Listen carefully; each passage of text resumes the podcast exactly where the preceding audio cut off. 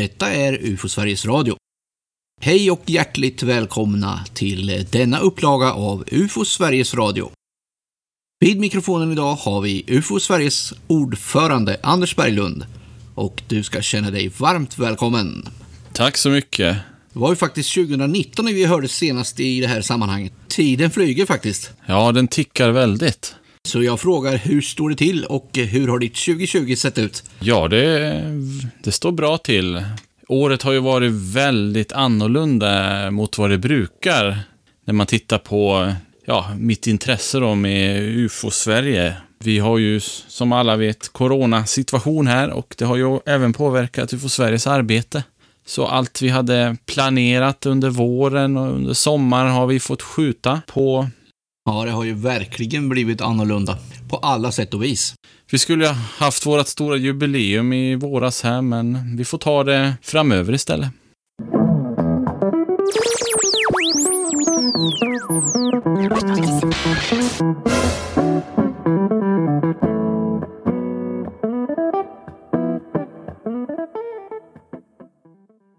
Det finns ju väldigt mycket intressant när man läser om ufo-fenomen och sånt där. Man hittar, eh, man hittar snabbt konstiga grejer om man letar och läser i tidningar och böcker. Häromdagen så när jag läste om ryska ufo-fall så hittade jag en mycket intressant grej. Man undrar ju hur mycket av det här som verkligen har hänt i verkligheten, men just det här fallet handlar om ett skenande tåg. Det ska utspela sig i februari 1985 på vintern. Vittnet ska ha hetat Sergej Orlov och han var lokförare på ett tåg. Och han var ute tillsammans med en kollega. De körde ett tomt godståg på järnvägen väster om Petrosavodsk.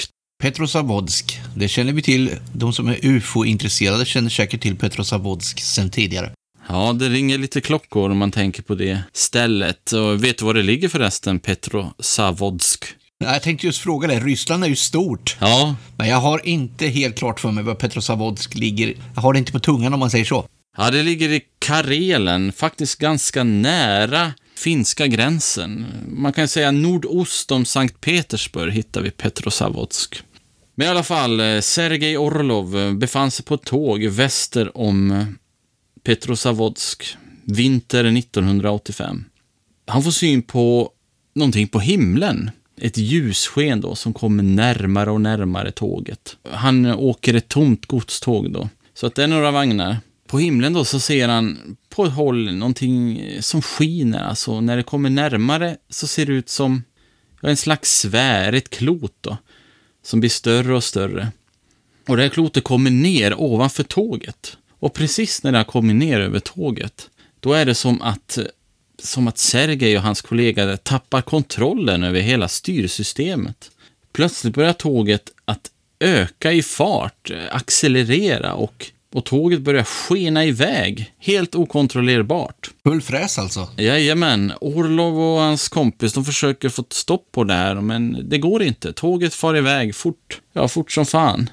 Men du sa att det var, det var tomt, alltså. Det, det var ett tomt godståg, så det, ja. det har ju varit ganska lätt Ja, precis. Historien förtäller inte hur långt det var då, men det ska ha varit tomt då. Så att det var de två på tåget. Ja, mitt i vintern. Sa du om det var mitt på dagen eller?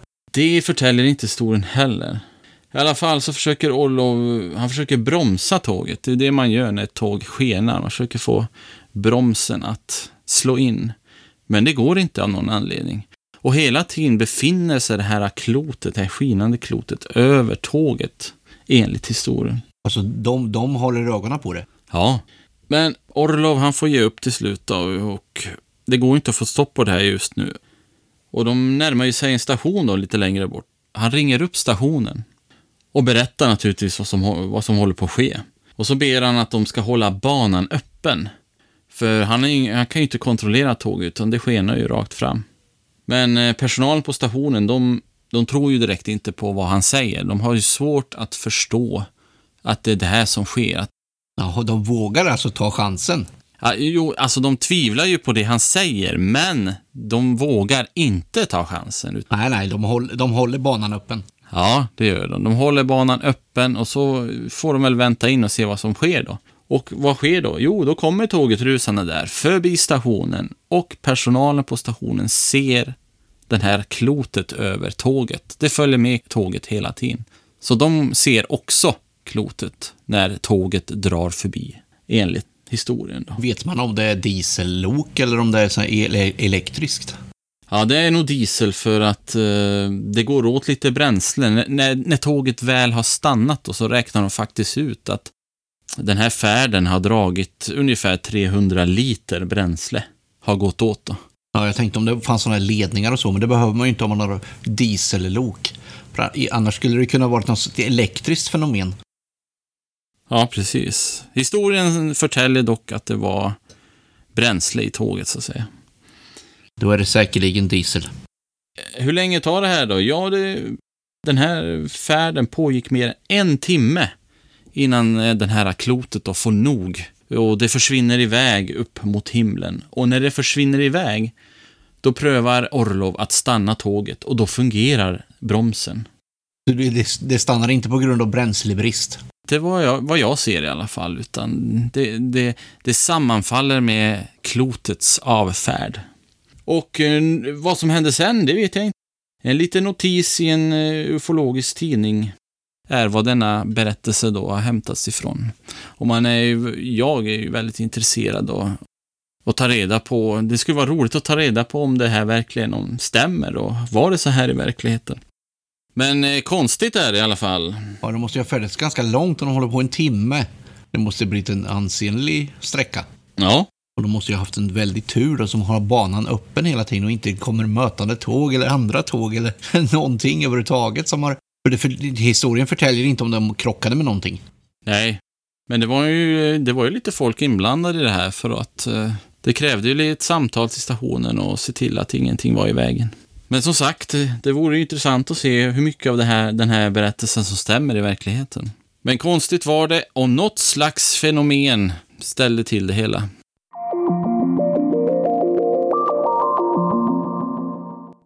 I dagens avsnitt av UFO Sveriges Radio ska vi alltså tala om märklighetsfaktor. Jajamän, vi fortsätter. Det finns väldigt många, många ufo-fall som har eh, mer eller mindre grader av märkligheter. En serie om märklighetsfaktorer. Vi kan ju göra ganska mycket avsnitt, tror jag. Det tror jag också. Ja, ja det är ju så att många ufo-observationer innehåller ju olika grader av märkligheter. Det är ju ingenting ovanligt som vi ufologer stöter på. Eh, sen kan ju olika grejer ha, ja vissa saker är mer märkliga än andra.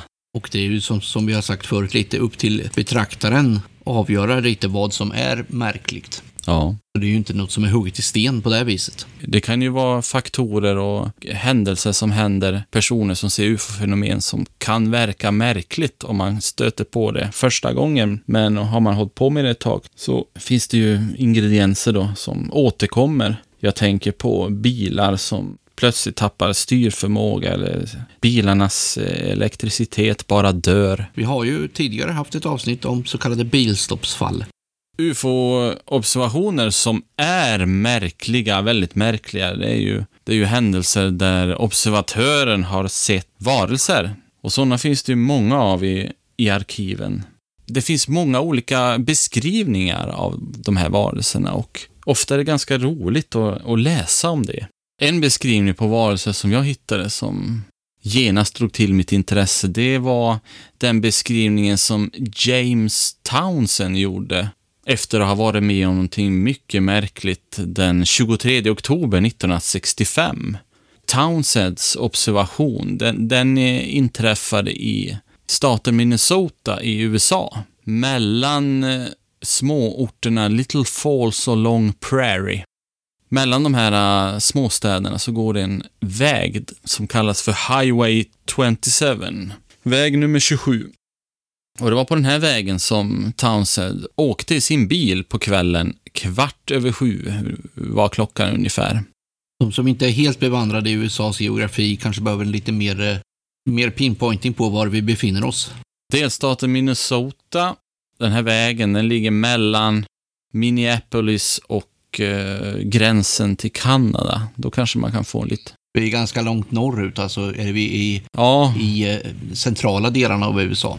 Det är det. Centralt, ganska norrut, inte långt ifrån kanadensiska gränsen. Okej, då är till och med jag med i matchen. Townsend var på väg mot eh, orten Little Falls i en bil. Vid tidpunkten var han 19 år och han jobbade som radiopresentatör, tror jag, i lokalradion. Vad händer då? Varför tror han att han har sett ett UFO, eller varit med om ett UFO-fenomen? Jo, när han rundar en kurva så står plötsligt alltså, mitt i vägen, en raket. En silverraket. Den står på tre fenor mitt på vägen och blockerar trafiken. Han kan inte åka vidare. Det är en raket som är ungefär 10 meter hög, uppskattar han det till. I och med att han har sett den här när han har rundat en kurva så blir effekten ganska omedelbar då. Han eh, kommer nära den här raketen som står mitt i vägen, så dör plötsligt all elektricitet i bilen. Så bilen stannar, Ja, alltså den slutade rulla. Ja, alltså den dör och så rullar den vidare ett tag. Eh, han har ju haft, eh, det här är ju på kvällen, han har haft lyktorna på och radion, radion död. Och ljuset släcks ju då så det blir helt mörkt. Och bilen rullar framåt. Eh, han känner hur styrförmågan påverkas, så han har ju svårt att styra bilen. Så, och han bromsar ju naturligtvis indirekt. Och, och så får han stopp på bilen, men det, det är så pass alltså. Bilen stannar alldeles framför raketen, som jag förstår det. Så man får ju tänka sig att han kom där runt den här kurvan då, och så stod den här raketen mitt i vägen, inte så långt ifrån då, om man nu, om det nu bilen påverkas direkt då. Han har en himla tur som inte kör på den. I alla fall är det någonting som sker ganska omedelbart då. Det är inte så att han hinner tänka efter, utan det går ganska omgående. Och när bilen väl stannar så sitter han där och det första han får upp i huvudet då, det är inte, inte egentligen att det är konstigt att det står en silverraket mitt i vägen. Nej. Utan det är hur, han tänker, hur ska jag komma förbi det här? Det är det som kommer upp i huvudet. Så han funderar på, hur ska jag få bort den här äh, raketen? Han funderar först på att starta bilen igen och genom att putta med framdelen av bilen, putta på raketen. Det får han ju överge då eftersom bilen går inte att starta, den är helt död. Det är kanske tur det. Ja. Och när han väl sitter där så får han plötsligt syn på vad som ser ut att vara tre små varelser som kommer fram under raketen. Han ser ingen, ingen öppning eller något sånt, utan de här varelserna kommer plötsligt underifrån raketen. Och då när han ser det här, då har han gått ur bilen också, så han befinner sig inte i bilen utan utanför. Han har gått ut alltså. Ja, Det är tufft, det är vågat. ja, han kanske inte har så mycket annat att göra. Nej, han verkar, verkar ju inte reagera som jag skulle göra, tänker jag.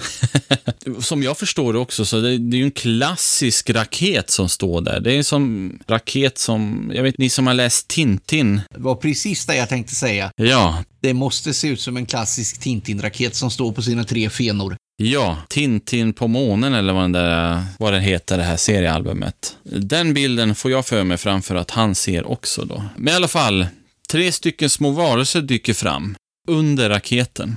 Så de är under, mellan själva raketens kropp och fenorna då, kan man säga.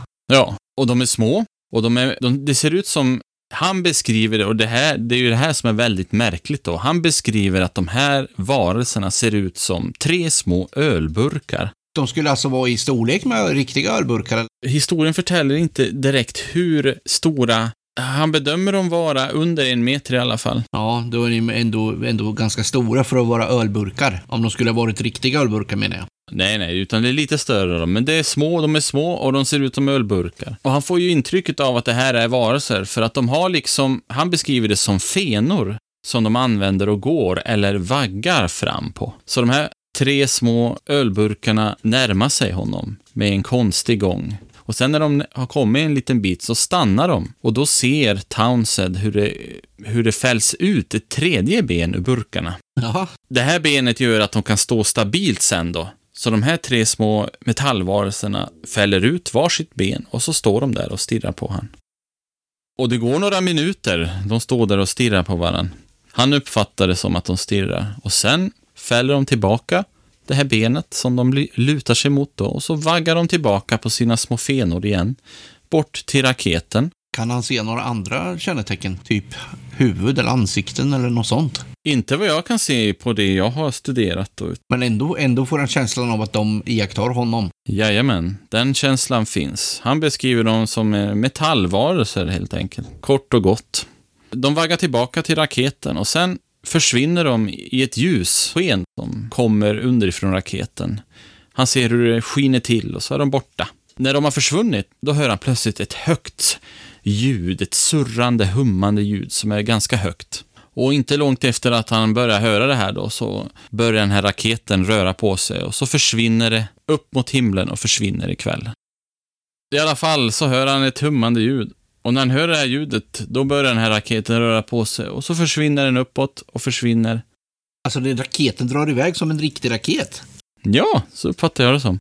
Och han har bilen en, en meter därifrån. Ja, alltså en bit ifrån.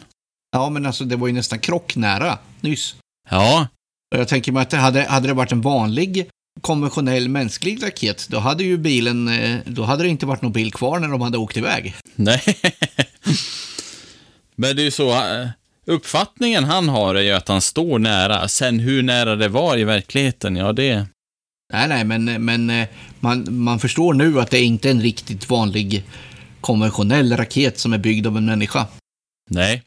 Eh, vad händer sen då? Jo, då, då har ju den här försvunnit och Townsend vänder tillbaka och så går han in till bilen och så prövar han att starta den. Och den startar då då. Lyserna satts på och radion börjar spela igen. Det som har gjort att bilen har stängt av sig, det är borta nu. Ja, den, funktionen blir återställd. Ja. Men han, eh, han eh, beter sig precis som han gjorde innan. Han, är, han blir inte konstig på något sätt, blir eh, illa till mods eller... Han verkar bete sig väldigt... Eh, Rationellt. nej, tvärtom. Orationellt. Ja, alltså han beter sig ju som jag inte tror att de flesta skulle göra. De flesta skulle ju bli skräckslagna i en sån där situation Ja. och inte göra så mycket. Men han verkar ju vara helt cool. Ja, men du vet, alla blir inte... Nej, jag tänker bara, jag, försöker, jag tänker på hur jag själv skulle reagera om jag kommer runt en krök och det står en raket mitt i vägen. Ja. Jag skulle ju naturligtvis bli oerhört fascinerad, men jag skulle nog inte kanske gå ur bilen det första jag gör. Det är ju också ganska intressant när man läser och studerar ufo-observationer, men hur folk reagerar när man, eh, stött, när man är med om märkliga saker. Det, det, det tror jag också vi kan göra ett eget avsnitt, poddavsnitt av. Mm, Människors reaktioner. Det är klart att det finns en reaktion per observatör. Det är ju inget som man kan förvänta sig eller förbereda sig på. Nej. Och, och den här Townsend, han verkar ha, han verkar inte bli upphetsad i onödan, för det, det första han gör när han kan åka härifrån då, det är att han, han åker till eh, en polisstation och berättar för polisen där vad han har varit med om. Det är det första han gör. Och i och med att han anmäler det till polisen då, så det gör ju att det blir undersökningar på det här då. Man kollar ju upp vad som har hänt då. Eh, man åker ut till platsen bland annat och tittar. Undersökningen gör också att man kommer i kontakt med två jägare som har varit i närheten av den här platsen vid samma tidpunkt. Och de här två jägarna kan bekräfta och berätta att de också har sett ett lysande objekt vid platsen för Townsends observation vid samma tidpunkt. Det gör det ju lite mer intressant naturligtvis. Oh ja. Mycket märkligt fall och särskilt eh, allt är märkligt.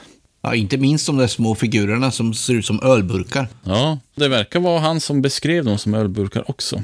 Jag tänker mig lite kanske robot. Ja. Är det helt, helt otänkbart? Nej, det, det är väl en eh, logisk, eh, logisk gissning om man ska söka, söka svar. Men sen, sen hände det inte så något mer sen. Nej, inte vad jag vet. Det har gått till handlingarna, så att säga. Det är ingen, jag har inte sett att det presenterades någon lösning. Och man kunde inte se några spår efter det hela senare. Nej, det kunde man inte.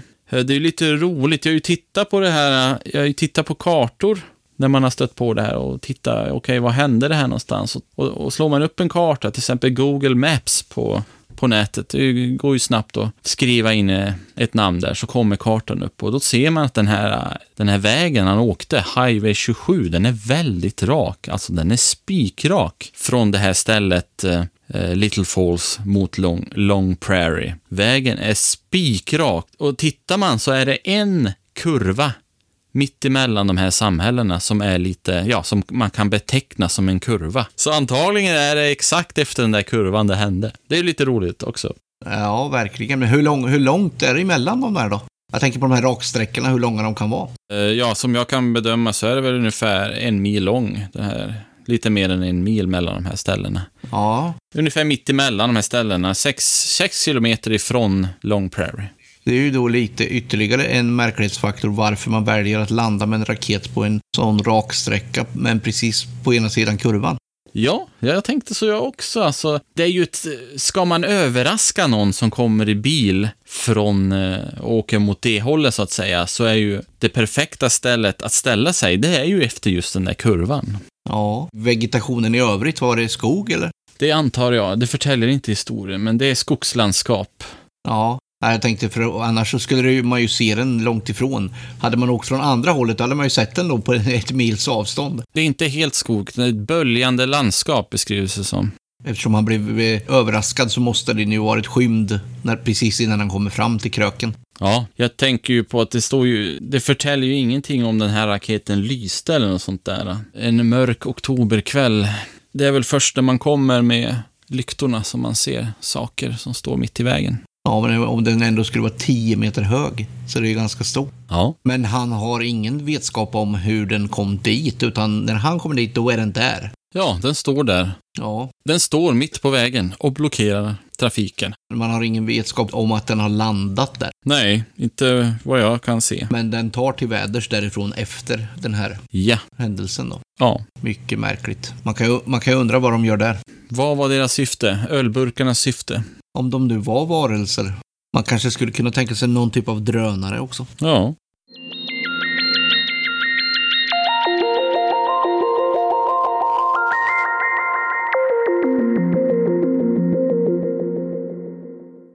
Ska vi fortsätta med en annan incident Ja. av mycket hög märklighetsgrad. Eh, Jag har en här från orten Vilvorde. Jag vet inte om det uttalas så. Vilvorde. Eh, Det ligger i utkanten av Bryssel i Belgien. Jag tänkte just fråga dig om du uttalade det rätt. Ja, det är en bra fråga. Jag, är inte, jag kan varken franska, tyska eller vad det nu är, flamländska. Vilvorde. Vi köper det. Vilvorde. Belgien i december 1973. Vilvorde ligger i utkanten av Bryssel. Man skulle kanske kunna säga att det är en förort till Bryssel. Där händer en mycket märklig historia med en humanoid. Och den här har då figurerat i litteraturen lite då eftersom det hände för ganska länge sedan, närmare 50 år sedan. Och då har vi ett vittne då som är en man som är 28 år och han, eh, ja, han har en liten bakgård kan man säga som är inhägnad av eh, ett stort trä, träplank eller vad, något sånt. Och han tittar ut. Det här ska då tydligen ha varit sent på natten då. Eller vad ska man säga? Klockan två. Ja, det måste väl räknas som sent. ja, eller möjligen tidigt, väldigt tidigt på morgonen. Han eh, tittar ut och han ser en liten, en liten humanoid varelse på innergården där. Där han har någon sorts eh, overall på sig. En, en eh, one piece kan man säga. Det vet du vad det är. Det är eh, när både, när både typ handskar och eh, skor går ihop med, med kläderna, med overallen man har på sig. ja, det låter alldeles helt riktigt. Jag vet inte riktigt exakt. Jag har aldrig haft en egen one piece. Har du det? Nej, jag, jag kör med fler pieces, ja. Figuren har, han har en, som en liten aura runt sig av en grönaktig glöd. Är det så han upptäcker det, att det, det glöd? Ja, det är ett ljus där om den här figuren. Så att den, den, han är inte jättelysande då, men han är lite grönaktig sådär. Det är lite ett glow. På huvudet har han en transparent hjälm. Och ett rör som ansluter från den här hjälmen en- till en apparat som man har på ryggen. Det är som en liten gloria runt den här personen då. Men när du säger transparent eh, hjälm, menar du en eh, typ gla, glasskål eller? Inte ett sådant litet akvarium upp och ner på huvudet, men eh, något åt det hållet. Så han kan ju se huvudet inne i den här hjälmen då. Den är inte, den är inte öppen om man säger. Eh, Den här lilla personen då håller på med någon sorts eh, liten dammsugare eller metalldetektor. Han kör framför sig. De liknar ju varann. Ja. Även om man inte vet vad som sitter längst fram på den här pinnen som man har mot marken. Det skulle väl till och med kunna vara en kratta kanske, men det har framförts dammsugare eller metalldetektor då. Så den här äh, lilla varelsen... Han gör någonting. Han verkar som att han kör den här framför sig, letar efter någonting. Jag tror, jag tror ju knappast att han dammsuger hans trädgård där, men Han håller i den här med händerna och för den fram och tillbaka då. ja, då, den, den kommer ju ut ifrån det här paketet på ryggen då. Så den sitter fast i någon slags... Han har någon sorts rygg, rygganordning. Ja, som någon kabel dit då, eller? Ja, det är väl en slang snarare kanske. Ja, eller möjligen en kabel. Den är ju lite grövre då, från det här metalldetektor som han håller i. Och han ser att den här lilla figuren är stel. Han kan inte röra huvudet, sitter fast på kroppen i samma riktning om man säger. Han kan inte vrida på huvudet. Han måste, måste vrida på hela kroppen. Inne i den här lilla hjälmen då, då kan han se ett mör- ganska mörkt ansikte med små spetsiga öron. Han kan inte se mun eller näsa, men han kan se ljusa ögon av oval form. Och ögonen är ganska gula och utåt kanten är de också gröna. Får han något intryck hur stor den här äh, varelsen är? Den är ju ganska liten, någon eh, typ meter, så här fyra fot. Ja, det är ungefär en meter, ja. Ja, lite så, det hållet. Efter en stund då får ju varelsen, han blir medveten om att han står och tittar på honom. Så de blir medvetna om varann. Och då gör den här lilla varelsen ett V-tecken med handen. Ett sånt här klassiskt eh, Ja, med två fingrar upp så, som, eh, vad hette han, presidenten gjorde Churchill. när han blev av med jobbet. Richard Nixon. Ah, Då så initieras avslutningen på händelsen. Han får någon känsla där att eh, nu blir varelsen inte vara kvar då. Varelsen snurrar runt, vänder sig och går bortåt mot det här planket. Det kan vara en mur också. Det är nog någon blandning. På ena sidan är det muraktigt och sen är det mera plank. Och då går han då 10 meter bort dit. Och då kommer han fram till en, till en vägg där. Och då, undrar, då kan man ju undra vad han ska göra där. Men han fortsätter, fortsätter rakt upp och går helt naturligt. Alltså han lutar 90 grader bakåt och går, fortsätter gå uppåt. nej. Jo. Du menar inte att han går rätt igenom? Nej, nej, utan han, han går precis som att gravitationen följer personen då. Att han går på väggen vertikalt, rakt upp. Okej. När han kommer då de här, jag vet inte hur högt det kan vara, men säg tre meter upp, då fortsätter han ju och bara går över krönet och fortsätter att gå ner på andra sidan. Det ser ju dock inte observatören därifrån, från där han står. Men han antar ju att han går ner på andra sidan också då. Han kan inte se det, nej, men han springer inte fram för att titta. Eh, nej, det gör han inte. Ah, vad synd. Så han står ju kvar på insidan, inne i sin lilla lägenhet där. Tittar ut över bakgården. Han säger också att han kan höra några små ljud. Det är som kvittrande ljud. Småfåglar. Ja, ja, någonting i alla fall. Konstiga ljud, säger han i alla fall. Ganska snart efter att han har då klättrat över. Han står ju kvar och tittar om man ska se något mer då. Då kommer ett eh, klassiskt flygande tefat, cirka 15 meter i diameter, som stiger upp Ah. över muren då, så han ser ju det längre bort. Så det, så det stod på andra sidan då? Ja, det står ju skymt då först. ja, får man förmoda. Han, han vet ju inte vad som har hänt, men han ser det där lyfter och det är ljust och orange och det har en kupol ovanpå. Ja, klassiskt kan man säga. Det avgör också en grönaktig glöd. Mitt på den här så är det en liten kupol och där tror han sig kunna se den här lilla humanoiden. Är det något fönster då han ser dem igenom? Ja, det är nog som en liten kupol som då tydligen ska vara genomskinlig och där ska han då kunna se den lilla figuren. Har figuren fortfarande på sig sin eh, utrustning då? Ja, det förtäljer inte historien. Det, det bör ju vara en bit bort alltså. Det kan inte vara speciellt nära nu. Säg att det var 10 meter till där han klättrar över, klättrar över och sen måste det ju vara en bra bit till om det här tefatet skulle vara 15 meter stort. Däremot ser han ett emblem på sidan av den här konstiga farkosten då. Eh, Det ska se ut som en mörk cirkel med en stiliserad gul blixt. Som, ett, som en, eh, ja, en symbol av något slag. Ja, men som ett sånt där märke som flygplan har på sig. Ja, ungefär så. Lite åt det hållet. En någon typ av symbol. Undersidan av den här farkosten, den är rundad och där finns det olika lampor med olika färger som blinkar i olika sekvenser. Och sen är det då i, i periferin då, eller vad säger man, runt om själva längst ut på kanten så är det också lampor som blinkar och grejer. Ja. Och det kommer ut gnistor också, säger han. Och det stiger upp kanske, ja, 20 meter. Och sen så accelererar det iväg helt blixtsnabbt. Den har vi hört förut. Oh ja, Pang så är det bara, och så försvinner det. Och efter den här så kommer det som ett glödande spår. då gick det fort. Ja, exakt. Det gjorde det ju. Jag tänker med den här avslutningsscenen i Tillbaka till framtiden när det bara blir två brinnande spår kvar. Vittnet säger sig inte bli rädd på något sätt och han har inga, inga tankar om det på något sätt. Han tycker bara det är väldigt konstigt. Och det finns, inga, det finns inga fysiska spår i trädgården eller ingenting sånt. Man kan ju undra vad han letar efter den där lille. Ja. Vet du om eh, det var någon som gjorde en undersökning där sen? Det kan jag inte svara på heller faktiskt. Jag har inte grävt ner mig så långt i det fallet. Ja, man undrar ju verkligen varför de valde den där bakgården. Ja, Varelsen valde den där bak bakgården för att eh, göra vad han nu höll på med. ja, verkligen. Han hade ju någon liten apparat där som man använde till någonting. Men eh, man kommer kanske inte mycket längre med den, men det är ju mycket, jag skulle vilja säga hög märkesfaktor där också. Väldigt hög.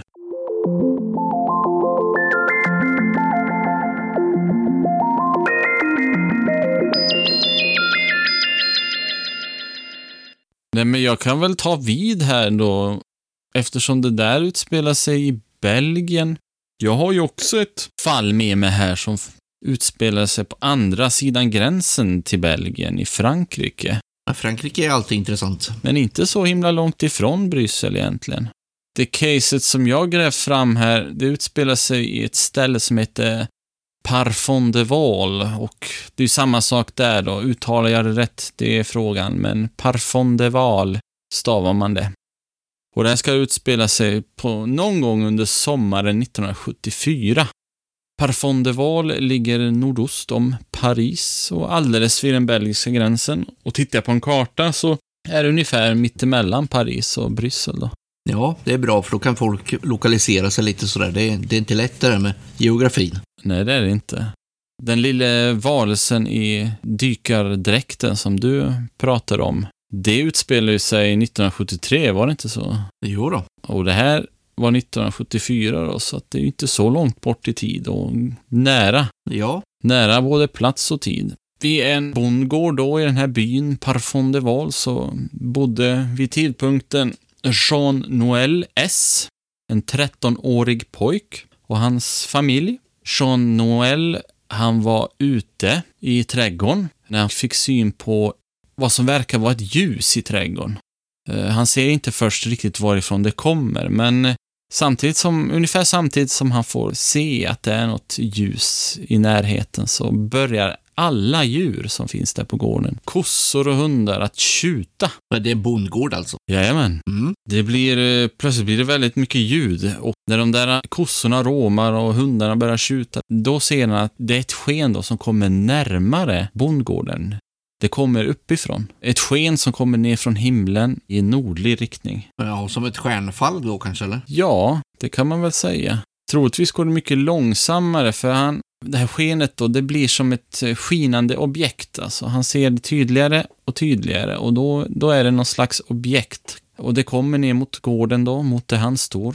Och det här objektet kommer väldigt nära marken. Och samtidigt som det gör det så hör Jean-Noël ett skärande ljud, alltså som ett skärande visslande ljud. Det är ett väldigt konstigt ljud i alla fall. Och han tittar på det här objektet. Det skiner, det börjar stråla ut ljus, blixtrande ljus beskriver han det som. Det, det blixtrar i blått och i gult, nästan som i Sveriges Sverige. Blått och gult. Och när han tittar närmare på det här, då så ser han att överdelen på det här objektet då, det roterar. Det, det roterar ganska snabbt. Samtidigt som han hör då ett turbinliknande ljud när han ser det här rotera. Han kan alltså se någon fysisk form alltså. Ja, det är en slags äggformat. Alltså han ser inte tydliga konturer då, utan det skiner och det blixtar, men någonting i det här äh, objektskenet då roterar. Samtidigt som den nedre delen inte gör det. Och samtidigt som det här blixtar och lyser och, äh, och att det låter från, som någon slags turbin så, så håller fortfarande de här djuren på att låta. Korna råmar och hundarna ylar. Är de i paniktillstånd? Man kan ju tänka sig det. Det verkar som att de har eh, kommit igång i alla fall. ja. På grund av just det där eh, ljuset och det där ljudet och ja, objektet som kommer ner från himlen. Det är ju inte bara Jean då som börjar undra vad det här är, utan allt det här oväsendet det gör ju att hans pappa kommer ut på gården. För han, de inne i huset har ju också hört att det börjar hända någonting där ute. Och pappan kommer ut och han, i handen har han en ficklampa. Alltså det här är ju sent på kvällen. Pappan kommer ut med ficklampa kommer fram till pojken och så, och så lyser han mot objektet för, för att se då vad, det, vad det kan vara. Och då får båda två då syn på två siluetter som snabbt rör sig över marken. Och när de lyser på det här då, rörelserna, så det rör sig och de lyser, då ser de, ja, de ser två former som beskrivs som potatissäckar. Två upprätta potatissäckar som kilar över marken. Det beskrivs inte som någon slags varelser, utan man beskriver det som former. Vad det nu impliceras då, men pojken och hans pappa kan se hur de här formerna sprider ut sig på gården. Och när de har sett det här så får de panik. Eh, de tolkar det som att det är någon slags eh, levande varelser, antar jag. För det är ju någonting som går, eller de uppfattar det som att det, som att det är intelligent. De väljer i alla fall att gå in i huset. Och inne i huset så finns bland annat mamman i familjen. Vad historien förtäljer så tar de kontakt med en granne som bor där också och berättar vad de har sett. Men det här själva farkosten, eller den här sprakande grejen, är den kvar då? Ja, den är kvar. Den blir de inte så intresserade av. Nej, inte efter att ha sett de här potatissäckarna. De beskriver det. För det, det, det är för skrämmande för dem, så de vänder in då. Ja, de anar att någonting är väldigt, väldigt fel här i sommarkvällen. Men efter ett litet tag, ja, så har de väl fått lite nyfikenheten vinner över. Pappan i familjen och grannen till dem går ut igen. De tänker undersöka närmare vad det, vad det egentligen är. Så pappan och grannen går runt här och tittar. Och när de närmar sig det här föremålet, då ser de plötsligt de här potatissexformerna igen intill en öppen luftventil in i husväggen. Och samtidigt som de ser de här formerna så ser de hur, de hur de här formerna försvinner in i luftventilen, alltså in i huset. Alltså deras eget boningshus? Jajamän. Det här måste ju vara väldigt otäckt då. Vad, vad, gör man alltså? De går tillbaka in i huset. De är väldigt nervösa. Och när de berättar vad de har sett nu då för morsan i huset så får hon panik när hon hör vad som har hänt. För de är inne i huset nu? Ja. Någonstans inne i huset ska de där potatissexformarna vara. Historien förtäljer att man söker igenom huset efter de här inkräktarna, men att man inte finner några inkräktare. Man hittar alltså inga former. Det måste ju ha tagit några timmar det där, tänker jag mig. Ja, det, det måste ha tagit en liten stund i alla fall.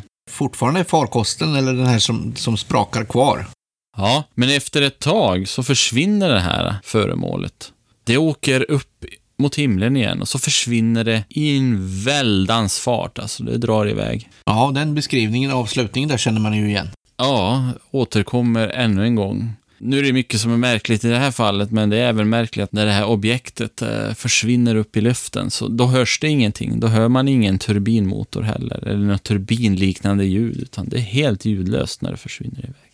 Värt att nämna är ju att eh, dagen efter så hittar man, när man går ut och tittar då på platsen där det här eh, objektet stod, så hittar man en cirkel där i gräset platsen är typ kornas betesäng. Och i, där, i den här ängen där hittar man en slags cirkel då, som tyder på att någonting har stått där. Det var inte bränt på något sätt? Nej. Det hade, hade någonting hade landat alltså? Ja, någonting hade tryckt ner då och gjort en cirkel där i ängen. Men blev det något efterspel? Gjorde man någon undersökning eller så? Inte vad jag vet. Men som sagt, återigen mycket märkligt. Mycket märkligt och skulle jag gissa så har ju den här historien berättats långt senare då och tecknats ner så att det är ju svårt att göra undersökningar då.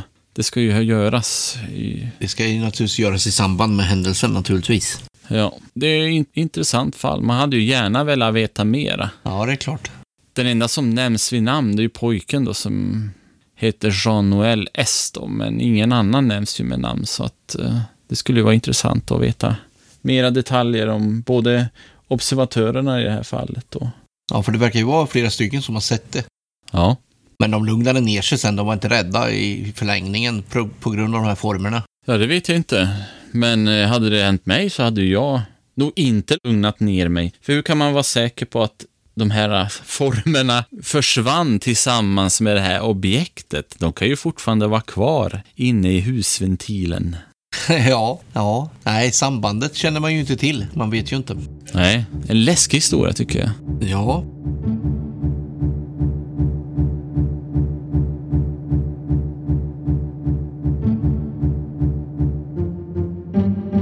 Den här serien med eh, märklighetsfaktor får vi väl eh, återkomma till i eh, framtida avsnitt. Jajamän, det finns ju mycket som helst att prata om. Då tycker jag att det passar bra att vi knyter ihop säcken för den här gången och eh, låter lyssnarna suga på karamellen tills nästa gång vi kommer med mera märklighetsfaktorer. Har du som lyssnar kanske någon fundering eller fråga eller varför inte en bra idé på vad du vill höra i UFO Sveriges Radio så skicka ett mejl till oss på adressen info.ufo.se. Och så glöm inte att UFO Sverige även finns i sociala medier. Diskutera gärna där. Du hittar UFO Sveriges Radio på de flesta ställen där man hittar poddar. Och du lyssnar precis när du vill. UFO Sveriges Radio görs som vanligt av Riksorganisationen UFO Sverige. Ni som tycker att det verkar spännande och vill veta mer eller bli medlemmar hittar adekvat information på ufo.se. Vi som rattat programmet idag är Tobias Lindgren och Anders Berglund. och vi tackar för att ni lyssnat på UFO Sveriges Radio. Då säger jag adjö. Vi hörs snart igen. Hej!